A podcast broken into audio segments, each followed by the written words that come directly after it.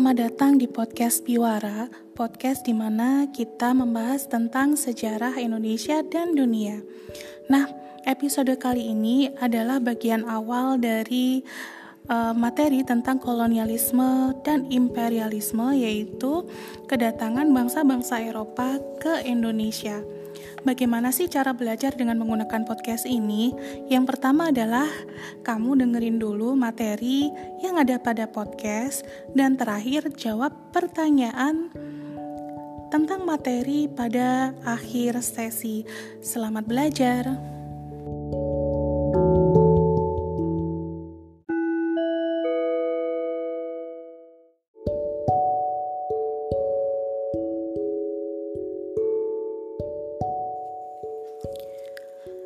Di dalam sejarah bangsa-bangsa di dunia dikenal adanya masa penjelajahan samudra. Aktivitas penjelajahan samudra ini dalam rangka untuk menemukan dunia baru. Aktivitas penemuan dunia baru ini tidak terlepas dari motivasi dan keinginannya untuk bertahan hidup, memenuhi kepuasan dan kejayaan dalam kehidupan di dunia. Bahkan, bukan sekedar motivasi, tetapi juga muncul nafsu untuk menguasai dunia baru itu demi memperoleh keuntungan ekonomi dan kejayaan politik. Pertanyaannya adalah daerah mana yang dimaksud dunia baru itu? Yang dimaksud dunia baru waktu itu pada mulanya adalah wilayah atau bagian yang ada di sebelah timur Eropa. Wilayah itu sebagai penghasil bahan-bahan yang sangat diperlukan dan digemari oleh bangsa-bangsa Eropa.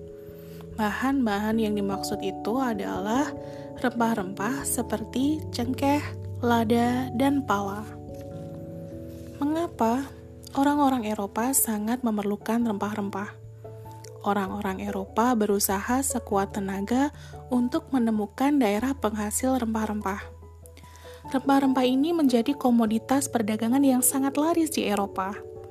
Rempah-rempah ini sangat diperlukan untuk bumbu masak dan bahan minuman yang dapat menghangatkan badan. Hal ini sangat cocok untuk orang-orang Eropa yang memang tinggal di daerah dingin.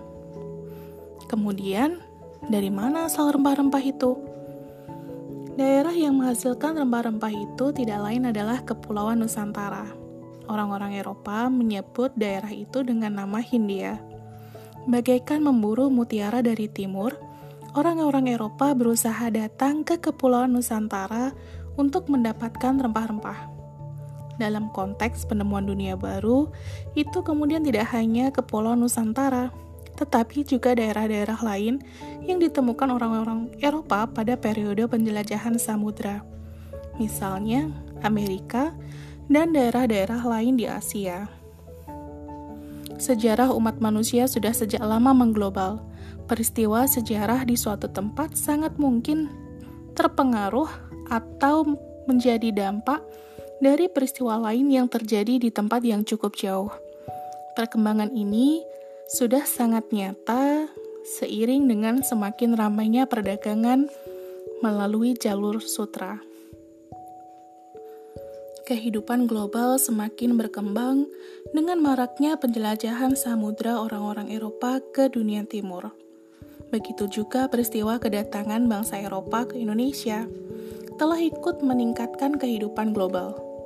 Peristiwa itu dilatar belakangi oleh peristiwa yang jauh dari Indonesia, misalnya peristiwa jatuhnya Konstantinopel di kawasan Laut Tengah pada tahun 1453. Serangkaian penemuan di bidang teknologi juga merupakan faktor penting untuk melakukan pelayaran bagi bangsa-bangsa barat menuju tanah Hindia atau Kepulauan Nusantara. Sementara itu, semangat dan dorongan untuk melanjutkan perang salib disebut-sebut juga ikut mendorong kedatangan bangsa-bangsa barat ke Indonesia.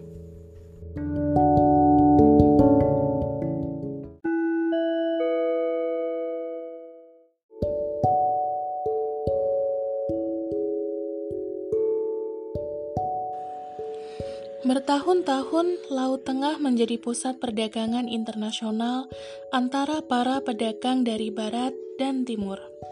Salah satu kota pusat perdagangan itu yang terkenal adalah Konstantinopel. Banyak jenis komoditas di pasar Konstantinopel, misalnya batu mulia, emas dan perak, gading, sutra, dan juga yang penting rempah-rempah. Orang-orang Eropa sangat menyenangi rempah-rempah para pedagang dari barat atau orang-orang Eropa itu mendapatkan rempah-rempah lebih mudah dan dengan harga lebih murah. Namun, setelah jatuhnya Konstantinopel tahun 1453 ke tangan Turki Utsmani, akses bangsa-bangsa Eropa untuk mendapatkan rempah-rempah yang lebih murah di kawasan Laut Tengah menjadi tertutup harga rempah-rempah di pasar Eropa melambung sangat tinggi. Oleh karena itu, mereka berusaha mencari dan menemukan daerah-daerah penghasil rempah-rempah ke timur. Mulailah periode petualangan, penjelajahan, dan penemuan dunia baru. Upaya tersebut mendapat dukungan dan partisipasi dari pemerintah dan para ilmuwan. Portugis dan Spanyol dapat dikatakan sebagai pelopor petualangan, pelayaran, dan penjelajahan samudera untuk menemukan dunia baru di timur.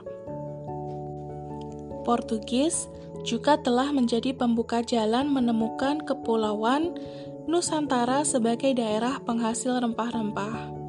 Kemudian menyusul Spanyol, Belanda, dan Inggris. Tujuan kedatangan mereka ke wilayah timur tidak semata-mata mencari keuntungan melalui perdagangan rempah-rempah, tetapi juga ada tujuan yang lebih luas.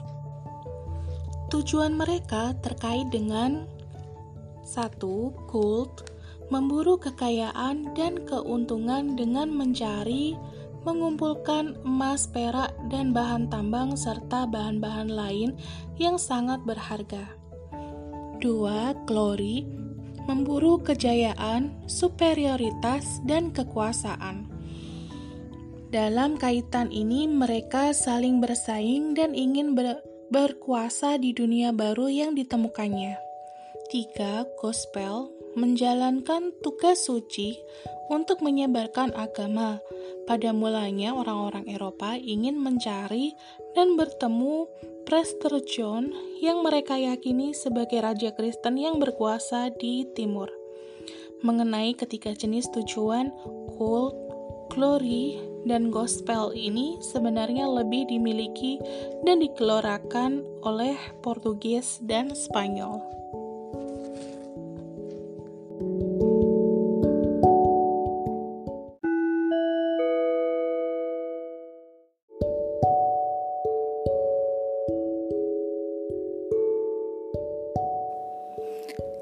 Sekarang kita masuk pada sesi pertanyaan. Pertanyaan pertama adalah jelaskan hubungan antara jatuhnya Konstantinopel ke tangan Turki Utsmani pada tahun 1453 dengan kedatangan bangsa-bangsa Eropa ke Nusantara. Pertanyaan yang kedua adalah sebutkan dan jelaskan tujuan kedatangan bangsa Portugis ke Nusantara. Selamat mengerjakan ya. Jangan lupa kerjakan jawaban kamu di Google Classroom. Oke, okay, see you next time.